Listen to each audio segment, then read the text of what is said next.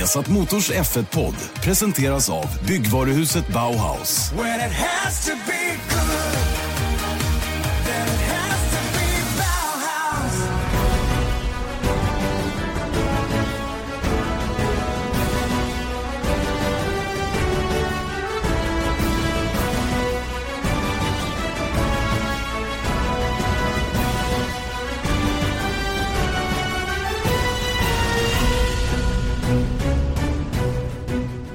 Hjärtligt välkomna ska ni vara till Formel 1-podden som är tillbaka som en eh, envis finne någonstans på ett olämpligt ställe. Nej, det var dumt sagt. oj, oj, Men. Formel 1-podden är tillbaka i alla fall och Erik Stenborg är tillbaka också. Välkommen.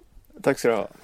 Eh, Acast, iTunes eller viasatsport.se som vanligt när ni vill eh, avlyssna vår Formel 1-podd och eh, dagens avsnitt är ju då eh, efter Japan och innan vi drar till USA. Båda två faktiskt. Vad kul att ha dig med på resan nästa gång. Mm. Det, det ska bli lite ordning. Jag tycker på något sätt att det är på tiden.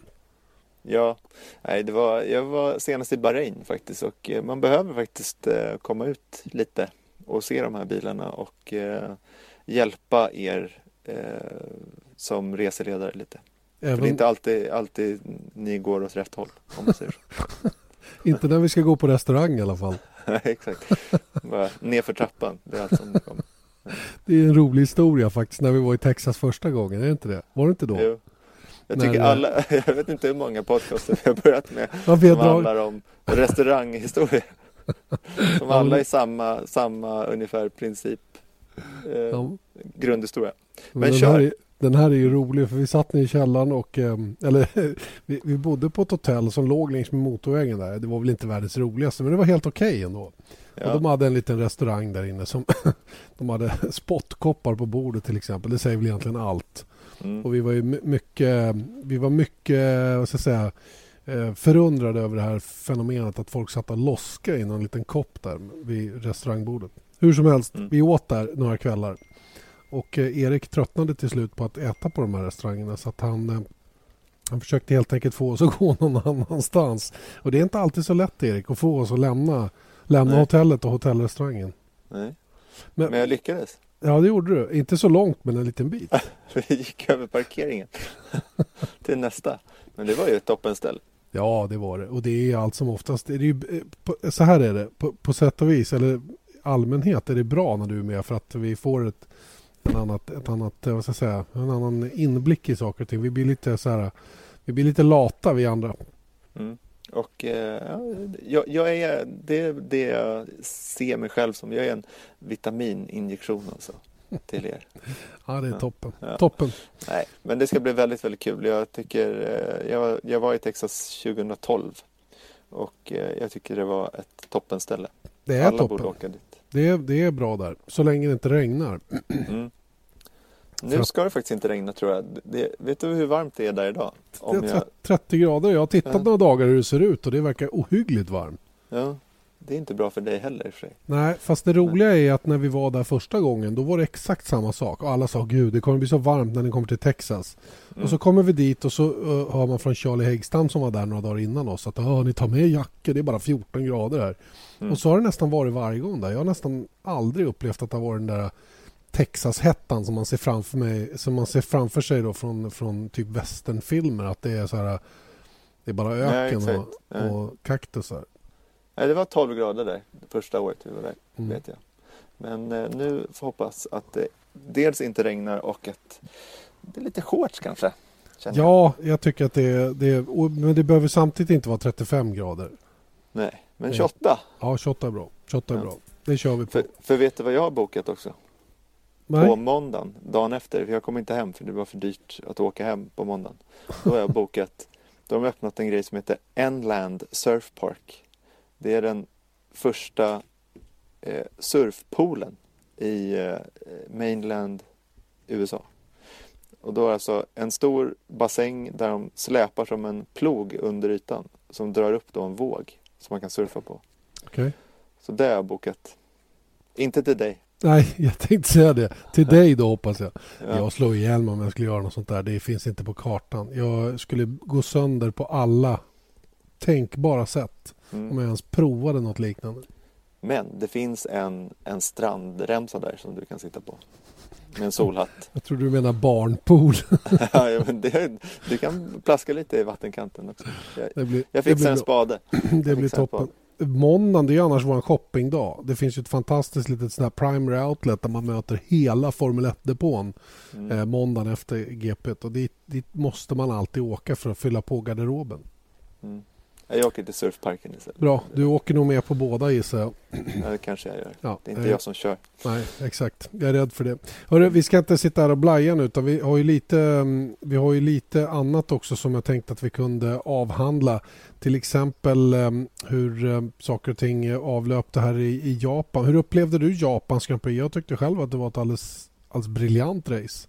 Ja, alltså jag blev väldigt livrädd i starten där när när eh, Hamilton tappade och man såg de första varven bara att, att eh, Nick och Rosberg bara flöt iväg.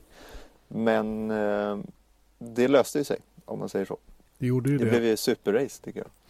Och mycket, mycket fler omkörningar än vad jag hade ens kunnat drömma om innan. Den där banan är ju extremt svår att köra om på. Vi ska komma till lite grann av, av det och vad det får för konsekvenser längre fram. Men, men bara generellt så var det ju otroligt många fler omkörningar än vad jag trodde det skulle kunna bli. Och, och eh, bra attack och många sköna försök och, och så. Va? I alla fall i början på varje stint eller åtminstone i början på racet var det så här. Mm. Så att, eh, jag måste säga att det var glatt överraskad. Ja, det var verkligen ett spännande och jag menar, okej, okay, jag tycker i och för sig att vi är fortfarande snuvade på den här fighten som man såg fram emot mellan Hamilton och eh, Rosberg. Och det, det, kan man ju inte säga någonting om. Det, det hade varit väldigt kul om man hade fått se det. Men eh, med tanke på förutsättningarna så var det väldigt kul och det var ju kul att se eh, hur långt Hamilton skulle komma och det var ingen sån där eh, riktigt så här, självklar uppkörning heller för att det är ju svårt att köra om och han fick ju verkligen kämpa för att, eh, för att ta sig upp. Vilket var kul att se och jag är faktiskt glad över att han ändå tog sig upp på tredje plats. Ja, det hade varit trist om man hade förlorat mer poäng för då hade liksom VM varit helt avgjort mer eller mindre i alla fall redan nu och det, det kändes inte som att det var värt. Eh, men, men eh, det som är helt frapperande och som jag, som jag har grymt svårt att komma liksom överens med det är ju det faktum att han gång efter annan gör de här dåliga starterna.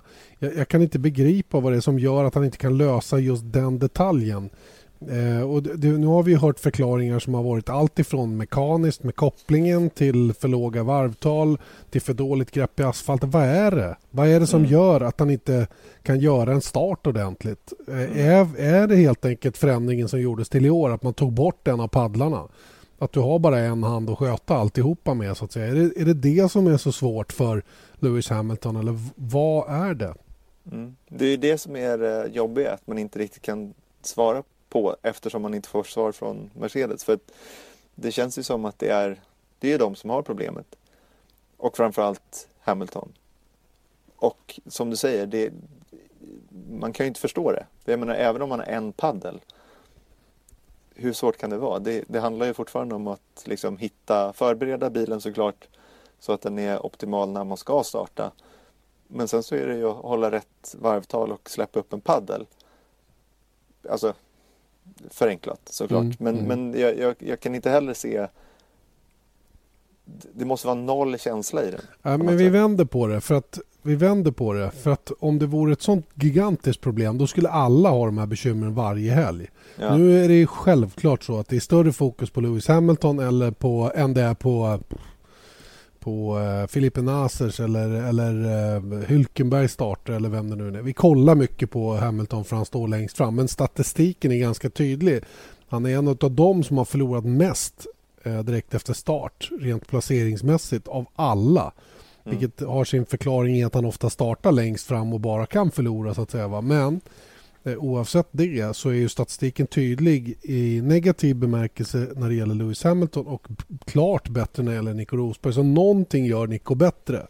Mm. Och det är det jag menar. Visst, det handlar om att förbereda bilen och rätt dragläge och bite point och allt vad det nu är.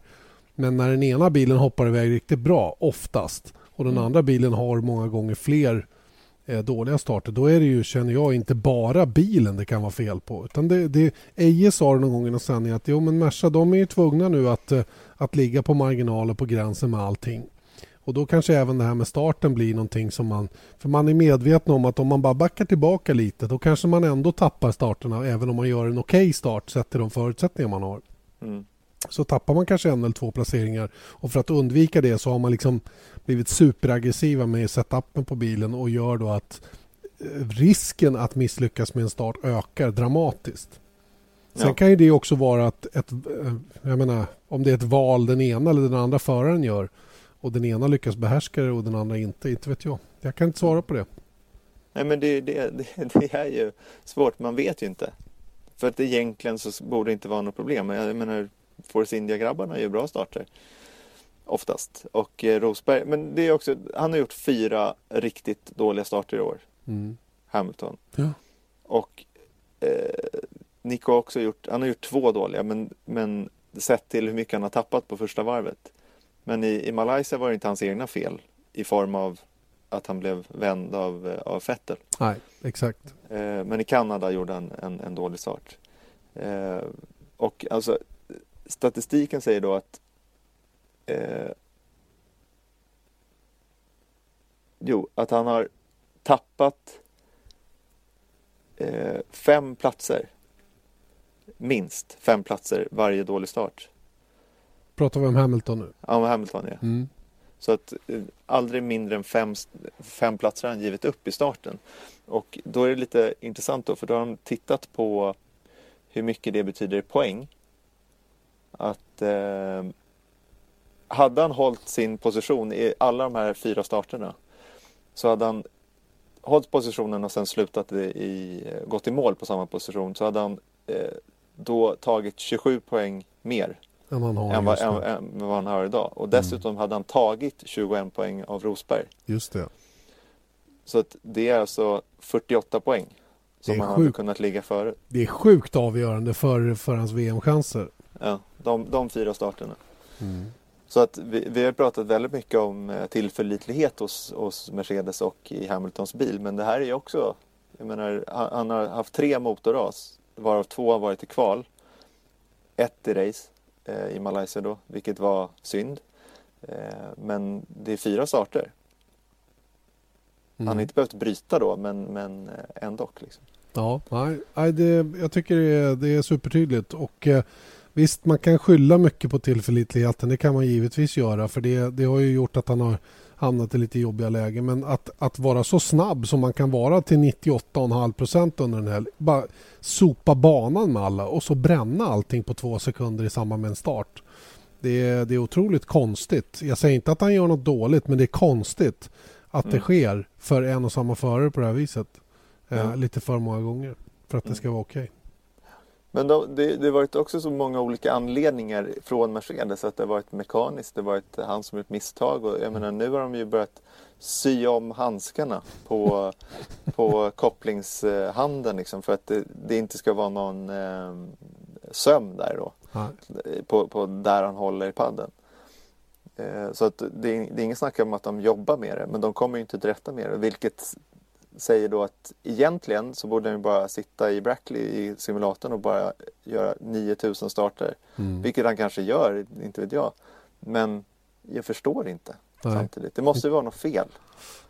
Ja, det, det måste vara något fel.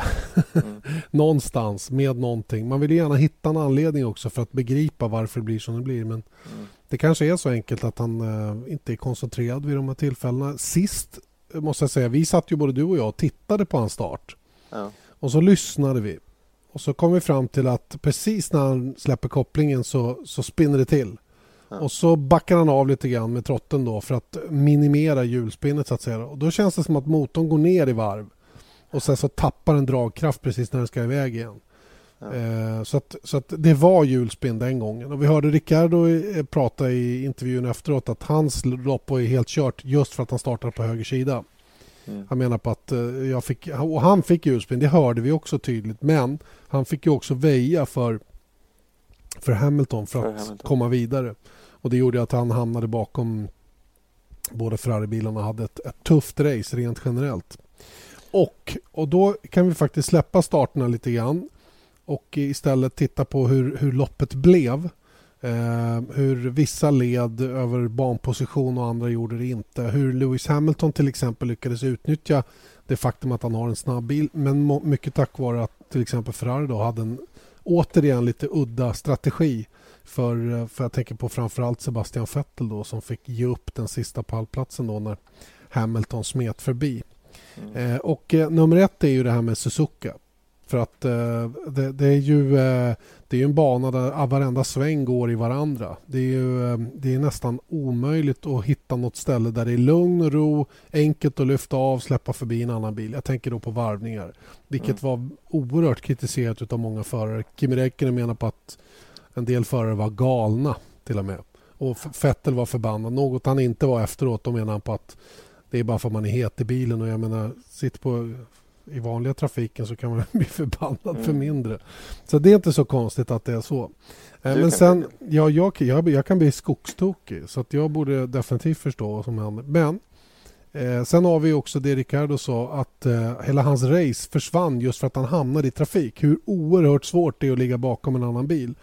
Och hur man tappar, man kan tappa två, tre sekunder per varv. I alla fall två sekunder per varv utan vidare. Man är så pass mycket snabbare än bilen framför men man kommer inte förbi.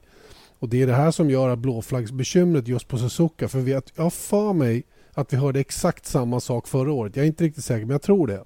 Mm. Att det var det här supergnället på blåflaggor. Och allt detta har sin förklaring mer i banlayouten att, än att de som ska bli varvade slarvar. För att de gör basken med så gott de kan. Och Många har ju uttryckt sig som att jo men vadå, håller man på att bli varvad då är ens race kört och då får man banne med stanna. Så, så är det ju inte. För tänk om man hade gjort det. Och det, och det är också så här, var ska man dra gränsen då? Att här, ja, så fort du blir varvad ska du bara, ja men då kan du lika gärna åka in i depån. Och det har ju ändå varit race där liksom nian har blivit och då, då snackar vi poängplats. Ja. De slåss om nionde platsen och de blir varvade. Och jag menar, det är ju snarare bara en del av Formel 1. Att på vissa banor så, så blir det så här och då, då kanske det är att man ska ta med sig det och det säger jag inte att de inte gör. Men till Suzuka 2017 att här, vi måste till varje pris undvika att hamna i osynk. I trafik. Så att vi hamnar mm. i trafik. Mm. Och det måste vi titta på i strategin så fort vi kommer upp eh, för en grupp. Då kanske vi ska ändra vår strategi eller mm. vad, vad som helst går. Jag förstår inte varför. Jag förstår att man blir irriterad i stridens hetta. Mm. Men det är en jäkla tur för oss som tittar att, att liksom inte, tänk dig om, eh, om det skulle bli så att det, att det var så höga straff liksom på att man blockerade på blå flagg, vilket inte riktigt det de gör heller. Det var ingen som fick straff mm, inte på för, för blockering. Nej. Nej, nej, Ut, utan det som händer är ju bara att okej, okay, här är någon som slår, slåss om eh, tolfte plats. Det kan ju i många många stunder vara den enda fighten som pågår på, på banan under, säg fem varv. Och då vill man ju se den. Mm. Så att det är action över hela banan. Även om det inte betyder så mycket om poäng så är det ändå bra racing där som, som sker i mittfältet. Och vadå? Och så kommer eh, en, eh, en dominerande Rosberg åtta sekunders ledning och ska köra om. Nej, men då får de lägga ner. Ja, de får stanna. På, jag kollar på Monaco, att det var ju superhäftigt där med eh, när Verstappen blev varvad förra året och han hänger på mm. bakom Vettel eller vem, vem det var. Mm. Under varvningen. Det är, liksom, det, det är sånt som ger lite krydda. Absolut. Ja, jag, jag håller med. Jag, jag tyckte att gnället gick över kant eh, i tv. Och jag, jag kan tycka att tv-produktionen är lite dum också som, som speglar det så hårt. Eh, jag förstår att man är ute efter effekten som också kom. Inte minst jag tycker inte det gör någonting. Nej, nej, men jag, jag vet det... att det var andra som reagerade på att jag mm. tyckte någonting. Herregud, jag råkade tycka att de gnällde för mycket. Jag, jag, menar bara på att man måste samtidigt ha lite förståelse från andra sidan. Vilket toppförarna... För du kan ju räkna med... Det är många som sa att undrar vi hur vi hade resonerat om Marcus hade legat i en toppbil. Mm. och, eh, och var på väg att varva och vi hade säkert hojtat och skrikit över det. Kanske, mycket möjligt. Men vänd på det resonemanget också. Ponera att Sebastian Vettel hade suttit i en Sauber och var på väg att bli varvad hela tiden. Ja. Och det sitter, eh, Marcus Eriksson sitter och vill köra förbi honom och han beter sig som en klantskalle. Tycker då den som är bakom givetvis. Det är ju så alla jobbar ju vad de kan. Det är ju ett samspel alltihopa det här. Ja. Ett samspel som är väldigt svårt att få ihop på just en sån här bana. Vi har inte hört i närheten av det här gnället tidigare. Visst, på någon enstaka bana kan det komma någon reaktion sådär. Men oftast är det bara en, ett adrenalin, en adrenalinreaktion snarare än någonting annat. Ja, tänk, tänk om alla bara skulle åka runt och, och vara schyssta mot varandra hela tiden. Det hade mm. varit dötrist. ja. ja. men bara, tänk om alla förarna var best buddies. Liksom. Det hade inte heller varit så, så kul. Det, det är ju liksom allting runt omkring att man, du vet, som man själv känner när man ser att eh, för typ 17 racet i rad att Hamilton får frispel på radion, liksom att allting mm. åt helvete. Eh, det, det, är ju ganska kul mm. egentligen. Mm. Jo, men det är det väl. Det är det väl. Det är klart att det är reaktioner man är ute efter många gånger. Ja. Och sen får man ju då själv bedöma om man tycker att reaktionen var bra eller om den var dålig eller om den var korrekt eller inkorrekt eller vad det nu är för någonting. Det är ju liksom det ingår väl i spelets regler på något sätt. Ja, och det har ju att göra med, med eh, sina egna vad heter det? allegiances med ja. eh, om, om, man gillar Fettel som tv-tittare då är det klart att man, man reagerar starkare också. Mm. Och det har ju, jag ska inte säga generalisera, men ibland så glömmer man ju bort sin egen ståndpunkt. Så är det ju. Så är det. Och eh, Det leder in oss på någonting annat som blev lite kontroversiellt den senaste helgen nämligen det här med eh, Lewis Hamiltons användande av mobiltelefon under presskonferensen. Mera gnäll alltså? Ja, lite. Mm. Från min sida kommer det nog bli lite gnäll. Eller snarare mer att så här, jag ställer mig frågande till motivet. Eh, mm. För att eh, du, du är uppdaterad på historien att han snapchattade under presskonferensen var generellt allmänt ointresserad, ville knappt svara på några frågor och eh, det sitter då, eh, vad kan det sitta där inne? 30-40 journalister, 50 kanske. Mm. Som i många fall är deras enda chans och få ställa en fråga till Lewis Hamilton och höra någonting från honom under hela helgen. För att det är ganska så stökigt runt omkring Lewis under en Formel 1-helg. Och han eh, tycker inte att det är värt att anstränga sig så mycket att han åtminstone kan på något sätt engagera sig i den här presskonferensen. Vi har ju fått reda på efterhand då att han tyckte att den är ju så dödligt tråkig så han håller på att svimmar och det var han tvungen att ta en snap och skriva om och hela den här grejen. Han, han menar på att formatet måste ändras. Vi har hållit på med det här i alla år, hej och hå, fram och tillbaka. Och det må, det, det må ju han få tycka så att säga. Va? Det, det har inte jag något problem med. Det, det, och jag kan ju hålla med om till viss del att det där formatet är väl inte hundraprocentigt om man säger så. Men nu är det det format vi har och eh, han, han betedde sig ju enligt många då lite respektlöst mot alla de som faktiskt försöker leverera en produkt där till tittare och så vidare. För så är det ju. Mm. Vi försöker, ju, vi försöker alla leverera, har en produkt att leverera i alla ändar. Det gäller ju även Lewis Hamilton givetvis. Va? Och han gick ju under, efter, i presskonferensen efter racet när han fick mera frågor om det där. Ja, och jag menar han... jag han, han eh, det här blev ju naturligtvis omskrivet och eh, det var väl framförallt Fleet Street eller ja, den hemmaopinionen som många vände sig mot hela den här grejen. Och eh, han han hade väl uppfattat en del av de här mindre, mindre positiva artiklarna. Så när han hade lite pressbriefing efter kvalet på, på lördagen så satte han sig ner och, och log lite och alla log tillbaka. Och så, eh, och så sa han bara att ja, ni kommer inte att le så mycket om en liten stund för jag är nämligen inte här för att svara på era frågor. Och så drog han hela den här storyn om vad som hade hänt och att han minsann bara hade försökt vara lite lättsam. Och sen så eh, eh, hade han blivit kritiserad för det här då och tyckte själv att han hade blivit behandlad på ett respektlöst sätt. Eh, det, det är i korta drag i hela den här historien då och fick någon, någon, det blev någon, någon form av mediakrig från Lewis Hamiltons sida. Då. Och eh, jag, jag eh, ställde mig givetvis frågan till hela den här... Hela, jag menar, det här det är en ganska eh, ansedd sanning att, att eh, fightas med media brukar man sällan kunna klara i någon större utsträckning. Och eh, att börja, börja, hantera hela den här frågan på det här sättet eh, kändes ju en aning märkligt och jag fattade inte riktigt motivet. Vad, är det, vad vill han uppnå? Vill han slippa gå på presskonferens? Eller vill han att han bara ska bli omskriven positiv? Vad är det Lewis Hamilton egentligen vill i den här frågan? Och när jag då tyckte lite på min egen Facebook och sådana grejer så fick jag lite på och någon tyckte att vad fan, vi behöver ju ändå vi behöver profiler och hela den här grejen. Va? Och det kanske vi behöver. Men frågan är om vi behöver profiler som agerar på det här viset. Vad, vad tycker du? Jag tycker så här. Jag, jag, tycker att många gånger i Formel 1 så är det, det är så mycket punkt, alltså det, det negativa med att det är, till exempel om man jämför med fotboll, att där har en liga, där har du 11 personer i massor av lag, jag vet inte ens hur många lag som är med alla gånger, men då blir det inte så himla punktmarkerat alltid på en person. Och jag tycker så att, att han stod och, och, och gjorde Snapchat eh, det, det, kan man tycka vad som helst om. Men jag kan också tycka att reaktionen på att han gör någonting eh, kontroversiellt blir, folk går i spinn. Framförallt brittisk media kanske. Mm. För att jag menar, ja, respektlöst och, och liksom att, att han sitter och, och är ofokuserad och håller på med någonting annat. Det, jag tycker faktiskt inte speciellt mycket om det.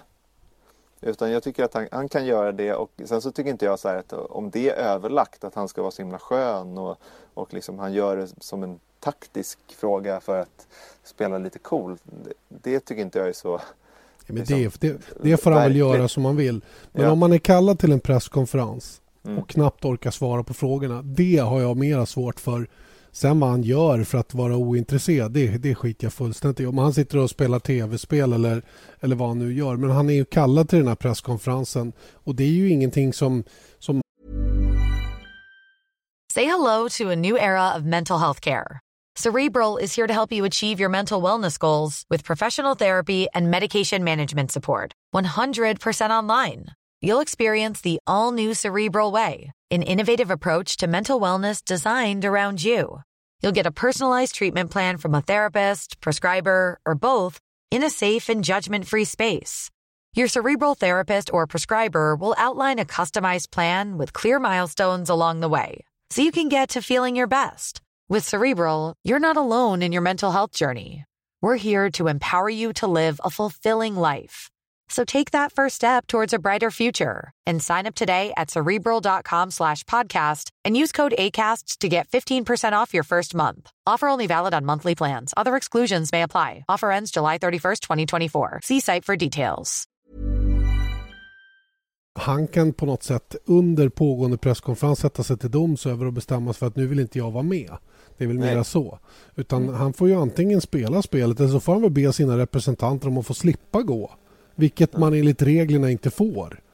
De som blir kallade ska gå dit. Och jag menar, vad, vad, är problemet? Har han inte 40 minuter av sin dyrbara tid att leverera några intresserade svar? Att åtminstone svara intressant, intresserat på journalisternas frågor. Hur dumma frågorna än må vara. Jag menar, hur många jävla dumsvar får man av, av honom också för den delen? Jag satt ju med honom i, i Singapore till exempel. Och han var ju bara besvärad. Han höll ju på att somna framför en och tyckte att det här var det tråkigaste han någonsin hade gjort. Och jag menar, mm. det ger ju en... Jag menar, vi, vi, försöker ju alla att skapa en bra produkt av det här. Mm. Så att okay. det är lite, jag, det är lite jag, den jag, känslan. Jag ska hålla mig till ämnet. Om man jämför med Kimi Räikkönen som är så här ökänd över att inte gilla... Alla vet att Kimi Räikkönen gillar inte eh, liksom att svara på frågor eller hålla på med intervjuer. Det tycker jag i mångt och mycket, när vi har haft kontakt med honom, så har han ju varit eh, tvärtom. Han har Raka varit väl, välvillig. Liksom. När han Absolut. väl sitter där one on one, alltså en, eh, en exklusiv intervju, då är han riktigt bra. Mm. Han är inte liksom eh, världens mest karismatiska person på det sättet. Men det har ju att göra med hans personlighet, men han försöker. Och det tyckte jag också, det finns ju något klipp när, när Hamilton försöker visa eh, Kimi någon Snapchat-bild han har tagit som var väl kul. Och då ser man att Kimmy ler lite och sen så bara tittar han bort för han, han är inte intresserad av det heller. där och då heller. Och därav är det ganska intressant då att man tycker att Kimi Räikkönen är mer proffs i intervjusituationer än, än, äh, än, än Lewis Hamilton. Så att ja, jag håller med dig om, om den saken att jag tycker att är man en av sportens bäst betalda förare och representerar ett jättestort varumärke, då kan man i alla fall försöka. Och jag tycker också att det finns, är man kritisk till formatet av presskonferenser, då finns det bättre sätt att göra det på. Alltså lite Ricciardo, liksom, han kan väl vara lite visst. skoj, skojfrisk istället då eller liksom Mm. som Jenson Button eller Vettel och alla de har ju Det finns ju roliga incidenter från presskonferenser när de skojar med varandra Men- men är frågor inte- och, är det inte det här Lewis Hamilton i ett nötskal lite grann? Det här att han, han har så svårt att klämma till med det där. Han försöker någonting som han inte riktigt behärskar och så blir det knas bara i andra ändan. Jag vet inte. Jag har absolut ingenting emot honom som person överhuvudtaget. Jag, jag känner honom för övrigt väldigt lite som person. Däremot i min yrkesroll har jag stött på honom så många gånger, vara så fruktansvärt ointresserad och göra att man själv hamnar i obekväm situation.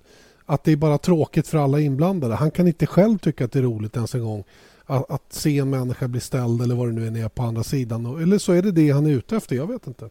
mm.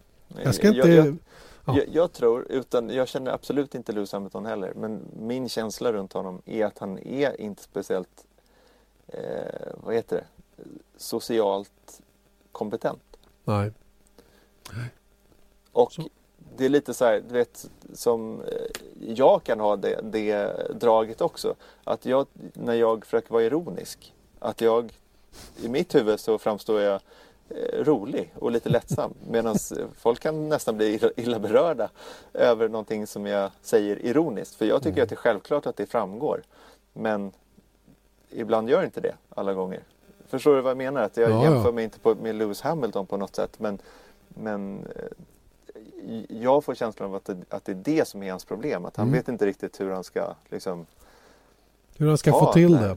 Nej. Ja, men det, är jag menar, det finns ju, det finns ju andra, det finns andra exempel på jag, menar, jag skulle aldrig falla mig in och, och kritisera hans livsstil och sådana grejer. För det, det, det tror jag, det, det där sköter han. För, och det har han ju bevisligen gjort. Menar, se bara på resultaten. Men ibland undrar man ju på vissa bilder vem det är han vänder sig till. Alltså hur han framställer sig själv. Och, och det har han ju naturligtvis också eh, full frihet att göra. Och jag reagerar inte på det mer än högst privat. Och nu när vi pratar du och jag Mm. i podden här. Men, men ibland så känns det som att han, han, han försöker vara något som, som... Han hade hellre velat varit en, en popstjärna i USA. Nu råkar han vara sjukt duktig på att köra racerbil istället och tjäna sina pengar på det. Och så, försöker, så blir det någon slags hybrid mitt emellan va, som inte jag riktigt begriper mig på. Men jag kanske är gammal och, och struttig istället. Nej, nej men jag, jag tror eh, mer på det vi var inne på där. Att, att han, han, han kanske ibland försöker vara en personlighet och eh, det blir inte alltid rätt heller. Han tänker kanske lite fel runt Mm. eh, sättet han, han framställer sig ibland. För jag, jag tänker på en annan, eh, vi gjorde ju till Viasat Sports årskrönika eh, bland annat. Vi hade delar av den intervjun i F1-sändning också men då var det Frida som intervjuade eh, Lewis och då råkade han vara på väldigt gott humör och, Mm. eh, och eh, pratade väldigt öppenhjärtigt om att han är Då var VM-titeln vunnen, va? var det inte det? Ja, den var, den var vunnen. det, det har jag faktiskt inte ens tänkt på att det kanske hade med saken att göra. Eh, nej men eh, då pratar han också om att han, han är lite blyg. Säger Ja. han själv. Att, att han inte är speciellt bekväm i situationer när han eh, ja, men ska tala eller bli intervjuad eller, eller vad det nu kan tänkas vara. Och sen så tycker jag var en intressant grej han sa att att eh, hans första år med McLaren där 2007-2008 att, att han, han eh, mådde dåligt då som person för att han var inte förberedd på mediaapparaten runt. Att man, att, eh, han han sa att han, jag var förberedd att köra bilen men jag var inte förberedd på allting runt omkring. Och jag tror att ibland i motgång att han inte är riktigt förberedd på allting runt omkring då heller. Nej, Det är, antagligen, det är antagligen lättare att vara Formel 1-förare när det går bra än när det går dåligt. Oj, Gissar jag. det, var dagens sanning från Erik. Ja, ja. Ja, men det är, det är klart att det och det är väl så i, i levande livet också rent generellt. Det finns ju ett liv utanför Formel 1 också där, där det såklart är lättare att leva när saker och ting går bra och när det går tungt. Va? Och eh, att vara, att hantera motgångar. Och jag kan inte ens påstå, visst han har haft det han har ju varit efter i VM i år och fått kämpa sig tillbaka. Det är ju det här gamla vanliga som han tycker om att lyfta fram hos sig själv. Att han är en fighter och, Han ger aldrig upp och hela den här grejen. Va? Just nu så känns det som att han är lite grann på väg att ge upp. Att han, du och jag hörde ju, eh, var det intervjun efter loppet? Ah, jag längtar efter vintern. Va? Mm, ja. Det är fyra race kvar, men jag längtar efter vintern. Och jag bara, bara ett sånt uttalande mm. Eh, tycker jag för mig är ganska tydligt att han, eh, han, är, han känner att det är lite motbacke nu. Och sen går det aldrig att räkna bort honom givetvis. Nej, men nej, bara att vi ägnar 20 minuter i den här podden åt honom säger väl att han är en kontroversiell och intressant person på många sätt. Och Det mm. tråkiga är när man är så pass intressant som han är, då kunde han bjussa lite grann mer på sig själv. Eh, jag vet att man inte kan kritisera folk för hur de är som personer. Men han är så pass driven och drillad så han skulle kunna klara att vara engagerad i en 5-7 minuter lång intervju som man gör med honom på banan om Formel 1. Det har jag rätt att kräva av honom tycker jag. Ja, jag håller med. Sen kan man ju säga det också att det han gör, ser man till så här marketingfrågan runt honom så fungerar det han gör. För att eh, jag hörde någon, eh, någon sån här, eh, vad heter det, som har, liksom har hand om massa jättestora sponsorkonton inom Formel 1 som, som menade då att Hamilton är den mest marketable eh, personen i Formel 1 mer än dubbelt så, alltså return of investment, alltså det man får tillbaka av att investera är Just. dubbelt så stort hos eh, eh, Hamilton som, som den näst bästa föraren. Just. I form av det. Så att jag menar rubrikernas man eh, även om det går som man vill eller inte så, så gynnar det honom på, i, i någon form. I plånkan? Ja. Men ja, jag köper det alla dagar i veckan. Det var någon som hade det som argument också när jag ifrågasatte hur han kunde starta krig med media. Jag ifrågasatte inte egentligen. Jag bara sa det, det, är det är nog en rätt svår fight att vinna. Och då, då menar den här personen eh, att eh, han har ju nästan fyra miljoner följare så att det är liksom game, set och match i alla fall. Mm. Men, men, ja visst, så kanske det är för, för den, den publiken. Och, och, han når ut med sina budskap ändå. Men är det den typen av budskap alla vill nås av? Sånt som bara presenteras av Lewis Hamilton själv? Eller, eller ska han inte tåla att bli utfrågad av någon annan som kanske inte alltid bara ställer de här positiva och stöttande frågorna? Det är det som är frågan här tycker jag. Sen så ska man inte heller, och det var lite det jag var inne på, eh, inne på i början också, att jag menar det här är ju det här är en händelse, det har varit många fler runt, runt eh, Lewis Hamilton. Men sen så är han ju inte, han är inte liksom som en idiot varje gång man träffar honom heller. Nej, liksom. Eller varje gång man hör honom. Utan det är, han kan väl ha måndagar han också. Tydligen, tydligen. Ja, vi, mm. vi släpper den då och eh, vi får väl räkna med, eller i alla fall jag kanske får en del kritik för att jag tyckte som jag gjorde. Men jag gör det i alla fall.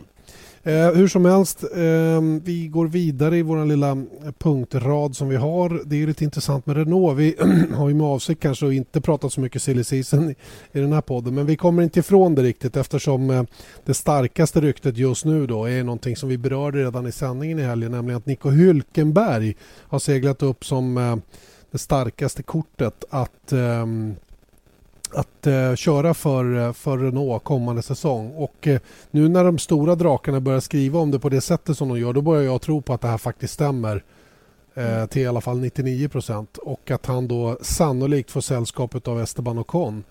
Eh, och det här blir ju rätt så intressant. Dels blir det en intressant uppställning, två långa förare blir det och mm. eh, en Nico Hülkenberg som äntligen skulle få det här fabrikskontraktet han har längtat efter så länge. Mm. Jag tycker alltså, väldigt oväntat att man har fokuserat så otroligt mycket på Sergio Perez eh, rörande eh, ja, vart han ska köra. Mm. Så att, eh, att det blev andra Force India föraren var faktiskt lite chockerande. Det intressanta är att Eje flaggade för det här tidigt. Tidigt alltså under silly season i, i somras. Så att det är inte alls säkert att Nico Hülkenberg kör vidare. Det var i den vevan som som han ehm, eh, mer eller mindre bekräftade att han skulle stanna.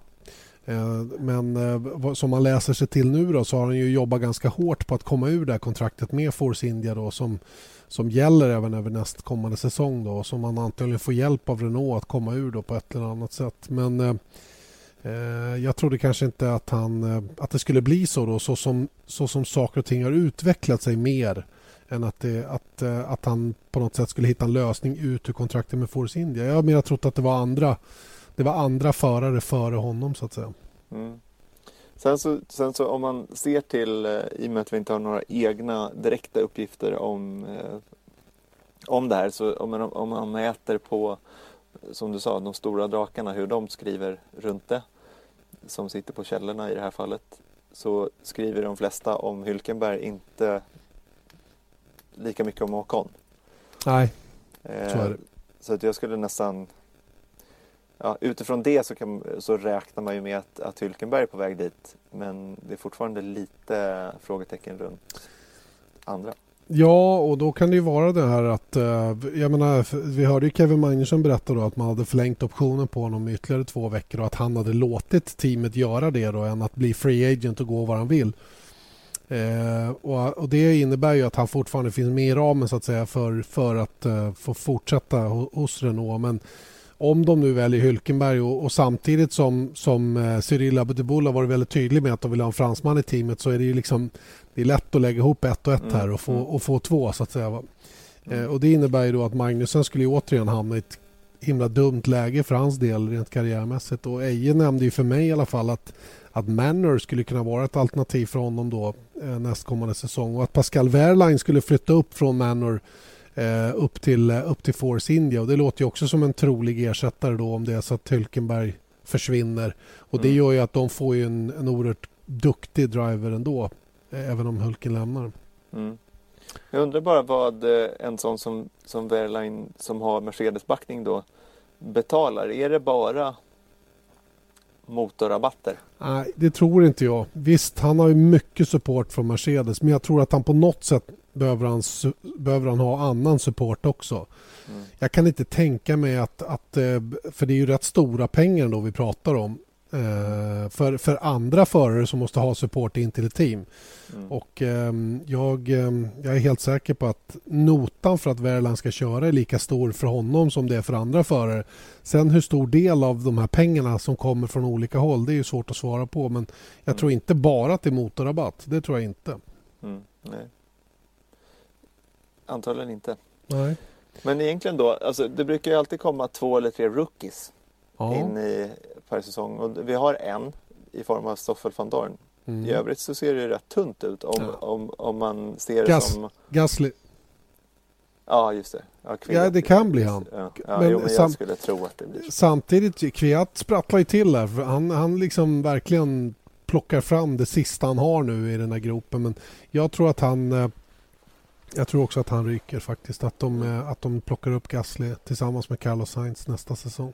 Sprattlet är antagligen mer Lite för, för att, för att uh, sprattla in någon annanstans än Exakt. hans Toro. I så fall. Sauber kanske? Ja, alltså Sauber, det har vi pratat om många gånger. Men sen så är det väl liksom att Nasser har väl inte... Jag skulle gissa att han ligger bäst till tillsammans det, med Marcus. Det, det, tror jag också just för att han har relationen med teamet redan och han har en större sponsor som, som teamet säkerligen redan förhandlar med och försöker att komma överens om en, en, en, en, bra support så att säga för en eventuell fortsättning. Så det tror jag också. Jag tror inte att det är enbart nere på hur, hur många poäng eller hur, hur bra han är i förhållande till Marcus eller vad det nu är för någonting. Jag tror inte det är riktigt på den nivån. Utan här handlar det nog mer om att um, totalt sett hitta paketet som, som passar och där, där har ändå Nasser lite fördel tycker jag. Just ja. för att han, han, han liksom, banken har jobbat med teamet, de har synts väldigt tydligt och jag tror att de är väldigt angelägna om att, att fortsätta synas i Formel 1 på det här sättet. Ja, det tror jag också. Att så, så vidare är okej. Rent, alltså Banco do Brasil är ju en statlig bank och eh, Brasilien mår inte superbra eh, rent ekonomiskt. Så att you never know om, om de behöver eh, till exempel sänka fin. Å andra sidan så nu med nya ägarskapet, jag vet inte. Det är klart att de kommer behöva ta in pengar från mm. förarna. Mm. Som de, alla andra team gör eh, också. Men eh, det kanske inte är samma höga peng. Nej, så kan det vara. Så kan det vara. Eh, apropå team då, så du skickade över en intressant artikel här som, som handlade om Renault. Eh, vi, har ju många varit, vi, har, vi har varit många som har tyckt att det har gått lite väl dåligt för Renault i år men det kanske har funnits en anledning till att det har gjort det i alla fall med tanke på eh, med tanke på hur det såg ut hos, hos Lotus innan övertagandet. Då. Och det är Bob Bell då som säger till F1 Fanatiker va? att, mm. eh, att eh, teamet var mer nerkört än vad folk hade förstått. Än mm. vad folk på utsidan förstår. Och att det är anledningen till att det har gått tyngre än förväntat. Då. Och det är därför jag tror vet, att att gå och tro att Renault kommer att se ut så här de kommande två, tre åren, då är man riktigt eh, då är man fel ute faktiskt. Jag tror att de kommer att vara starka. Jag tror att de anledningen till att vi uppfattar dem som lite, lite roderlösa eller utan ledning på riktigt eh, är nog också bara en chimär. Jag tror att det här kommer att, det kommer att bara smälla till. Mm. Ja, jag hoppas det också. Det, det som jag det, det var vi inne på förra veckan också, men varför jag varit lite så här frågande runt Renault är just att, att de verkar haft så svårt fram tills nu då att hitta en eh, namnkunnig förare mm. att köra för dem. Eller en av de här toppförarna då.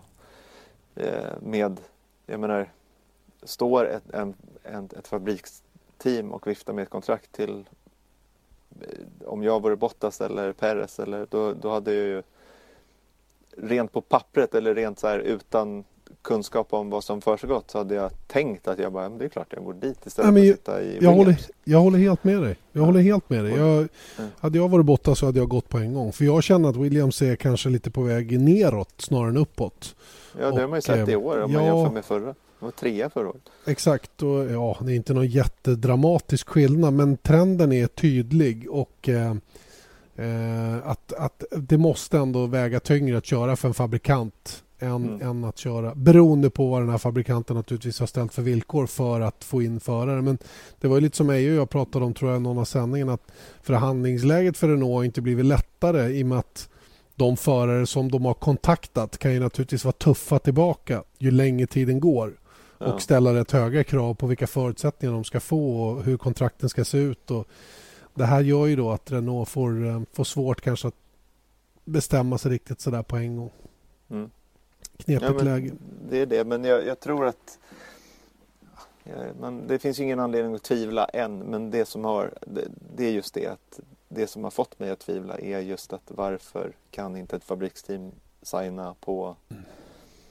jag menar, jag menar kolla vad de signade på Alonso förr i tiden. Så att, mm. Och nu kan de inte göra det. Så att, och det här, eh, min, min briljanta eh, iakttagelse med deras motorhome förra veckan. Det säger allt. Att det är för gammalt. Det är för ja, gammalt motorhome. Ja. Ja, jag skäms, köper det. Skäms över det. Jag köper det. Du, vi pratar inte mer om det nu. Du får inte Nej. prata mer om det nu. För nu eh, ska vi prata USA. Och eh, vi var berörda lite grann att vi åker bägge två till, eh, till Texas. Eh, det är ju en sån här double header som vi går in i nu då. Först Texas och sen raka vägen till Mexiko. Och eh, intressant tycker jag att komma till den sidan av världen. Nu har vi varit i Asien då en, en lång tour och pratade så sent som igår med Marcus Eriksson som var väldigt, väldigt nöjd med eh, det kanske var idag jag pratade om honom. Jag kommer inte ihåg nu. Men det var i alla fall inte så länge sedan. Och eh, han var väldigt nöjd med sin Asien-turné. Och som jag minns det så var han väldigt stark i USA förra, förra året också. Eller i alla fall ett hyfsat bra race i USA och framförallt en väldigt, väldigt bra tävling i Mexiko. Mm. Så att, eh, varför inte hoppas på en fortsättning. Och eh, dessutom eh, Texas eh, som var översvämmat för ett år sedan. Eh, vi hoppas ju på bättre väder. Det är ju en cool bana om inte annat. Mm, ja, men det är ju det. De har ju den där S, det är ju lite Suzuka igen där. S-kurvan efter den där långa backen och, och sådant. Och jag kommer ihåg när jag sprang runt den banan när vi var där första gången. Så längs långa rakan så är det du vet sådana riktiga amerikanska jätte Mobile Homes, liksom. Att, eh, folk som campar. Och eh, det var lite kul när jag kom på upploppet så, så är man kanske 100 meter ifrån från dem. De där, och alla börjar ropa Kimmy, Kimmy, wave! så Som att jag var Kim Räikkönen som var ute och sprang. Ja, men du heter inte Kevin Rosenqvist i alla fall, som Felix gör. Ja, Marcus Rosenqvist. Ja, Marcus Rosenqvist ja, var det.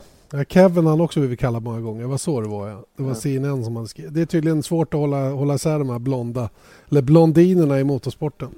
Ja, vi ser likadana ut allihop. Eller hur? Eh, hur som helst, Texasbanan, eh, jag tittar lite grann på däckvalen. Det är Supersoft Soft Medium som, eh, som Pirelli nominerat. Eh, Ericsson Naser som vanligt, väldigt få utav den hårdaste blandningen. Precis som Vettel och Räikkönen, bara ett set utav medium och det är det här obligatoriska sättet däck som måste finnas undanlagt utav den hårdaste gummiblandningen. Romain Grosjean går samma väg. 157 har han valt Eh, med det hårdaste, medium hårdaste och det mjukaste då i den ordningen. Samma för eh, Eriksson Naser och samma för Vettel Räikkönen. Eh, intressant här till exempel, Julian Palmer har tagit fem set medium. Fem set medium, två soft och sex supersoft. Och eh, Kevin Magnusson har inte varit fullt så aggressiv, eller ja, aggressiv defensiv kanske man ska kalla det. 4-3-6 har han valt. Då.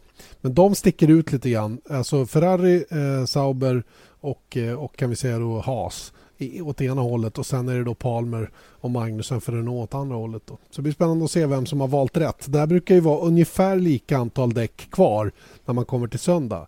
Det är bara att hur man väljer eh, gör att man får välja testprogrammen eller köra testprogrammen lite annorlunda. Men samtidigt gör ju det att man kommer olika väl förberedd. Vi har kört två lopp i Malaysia och Japan nu där det var tvunget att köra hard. Mm. Och har man då bara valt två set hard då blir det inte mycket kört på hard under träningen, vilket man kanske borde göra. Mm. Inte vet jag. Jag tänker på till exempel Sauber igen. Då. Ja, och det beror ju på sen då vad... Jag menar, det är klart att det är jätteskillnad om det är 31 grader varmt.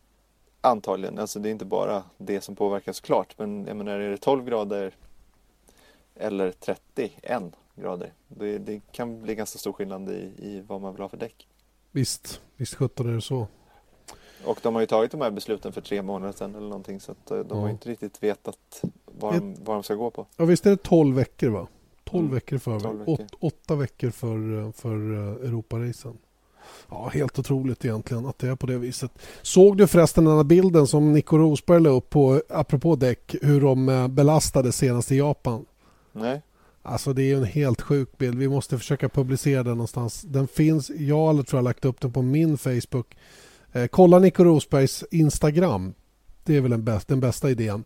Eh, men ser en bil, den är på väg att eh, den ligger under belastning för den svänger höger och hela, hela bilen bara kränger åt vänster. Den vill verkligen åt något annat håll än dit ratten styr. Och man ser hur däcket belastas vänster bak framförallt. Hur, hur hjulupphängning, hur fjädring i bilen alltså 900 hästar som vill precis åt ett annat håll än dit bilen kör. Och mm. eh, vad det får för konsekvenser på belastningen. Helt magisk bild. Riktigt, riktigt cool var den. Så det kan jag rekommendera.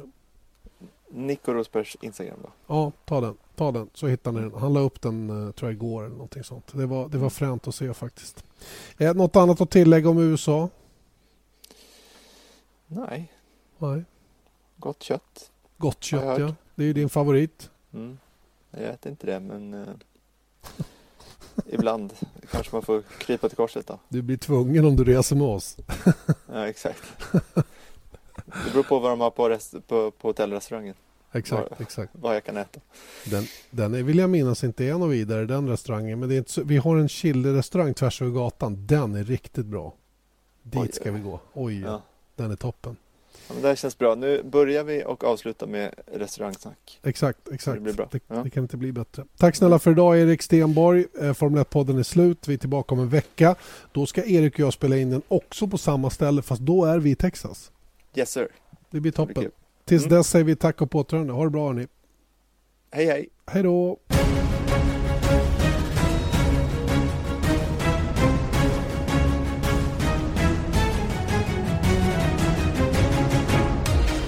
Vesat Motors F1-podd presenterades av byggvaruhuset Bauhaus.